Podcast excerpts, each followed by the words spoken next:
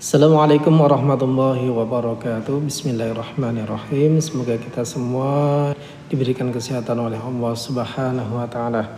Pada kesempatan kali ini Ustaz akan menjelaskan mengenai hukum non mati dan tanwin. Hukum non mati dan tanwin adalah salah satu tajwid yang terdapat dalam Al-Quran. Hukum ini berlaku jika non mati atau tanwin bertemu huruf-huruf tertentu Hukum ini terdiri dari empat jenis. Yang pertama yaitu idhar, kedua idgham, ketiga iklab, dan keempat yaitu ikhfa.